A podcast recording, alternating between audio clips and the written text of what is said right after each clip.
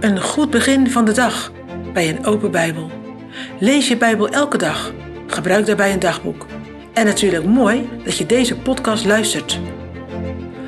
Op het strand van het eiland Patmos verscheen de Heer Jezus aan de verbannen apostel Johannes. Schrijf deze brieven aan de zeven gemeenten, klonk de opdracht. Daar denken we deze acht weken over na. Kijk op maandag ook de Bijbelstudievideo op danielonline.nu. Deze week over Laodicea door Willem de Potter. Deze week staan we stil bij de laatste van de brieven aan de zeven gemeenten. De brief aan de gemeente van Laodicea. Vandaag lezen we Openbaring 3, vers 14 en 15 en we letten vooral op het adres en de afzender van deze brief. En schrijf aan de engel van de gemeente der Laodicensen. Dit zegt de Amen, de trouwe en waarachtige getuige, het begin van de schepping Gods.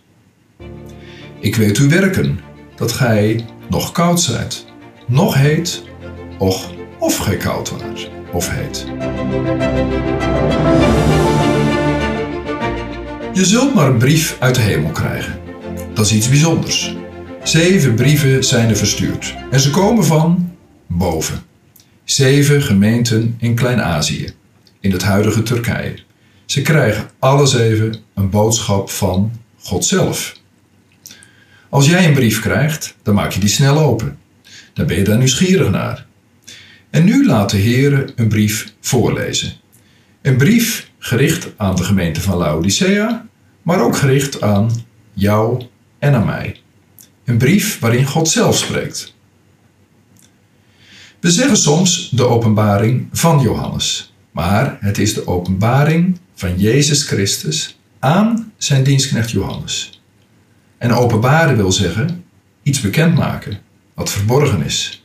Het is net alsof de Heer in deze brief de gordijnen opzij schuift en ons iets gaat tonen van wat zo onbekend is. We weten nu dat de brief door Christus is geschreven. Dat was de afzender.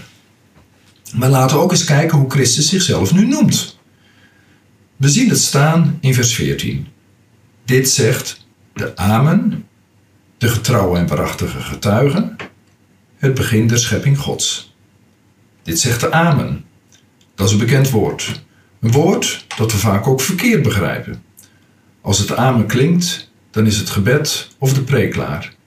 Maar wat betekent dat woord amen nu eigenlijk? Het betekent vast en zeker. Het is zeker waar. En zo gaat Christus zichzelf in deze brief noemen. De amen. Wat hij zegt is waar. Vast en zeker. Maar Christus noemt zich ook de trouwe en waarachtige getuige. Die getrouw is die zich houdt aan wat hij beloofd en afgesproken heeft. En de getuige is iemand die het zelf gezien heeft, die heeft erbij gestaan. En nu zegt Christus, gemeente van Laodicea, jonge meisje, je denkt wel dat ik het niet zie, dat ik er niet bij ben, maar ik zie het wel degelijk. Ik ben de alziende, de alwetende. Hij noemt zichzelf ook het begin van de schepping Gods het begin van alles wat geschapen is. En hoe heeft de Heer dat gedaan? Door zijn woord. Een enkel woord en de Heer schiep iets. Hij maakte iets uit niets. En zo zegt de Heer hier als het ware: Ik heb maar één woord nodig. Ik spreek en het is er. Aan wie wordt deze brief nu geschreven? Er staat: En schrijf aan de engel van de gemeente der Laodicensen. Engel is hier een woord voor iemand die de leiding heeft. De leiding over de gemeente van Laodicea. En waar ligt dat, Laodicea? Dat lag in het westen van het huidige Turkije. Vroeger heette dat Klein-Azië. Het was in die tijd een bekende grote handelsstad op een kruispunt van wegen. Bovendien waren er in de buurt van Laodicea geen krachtige, warme bronnen. Het was een stad met bijna geen armoede. Als je dat op je in laat werken, lijkt Laodicea ook een beetje op onze tijd. Jij en ik wonen ook in een land met veel rijkdom. Ook wij hebben het goed. Je zou kunnen zeggen, veel reden voor dankbaarheid. Voor die mensen toen en ook voor ons. Het is opmerkelijk dat Christus in alle andere brieven de gemeente prijst, maar deze gemeente niet. Deze brief is eigenlijk één aanklacht.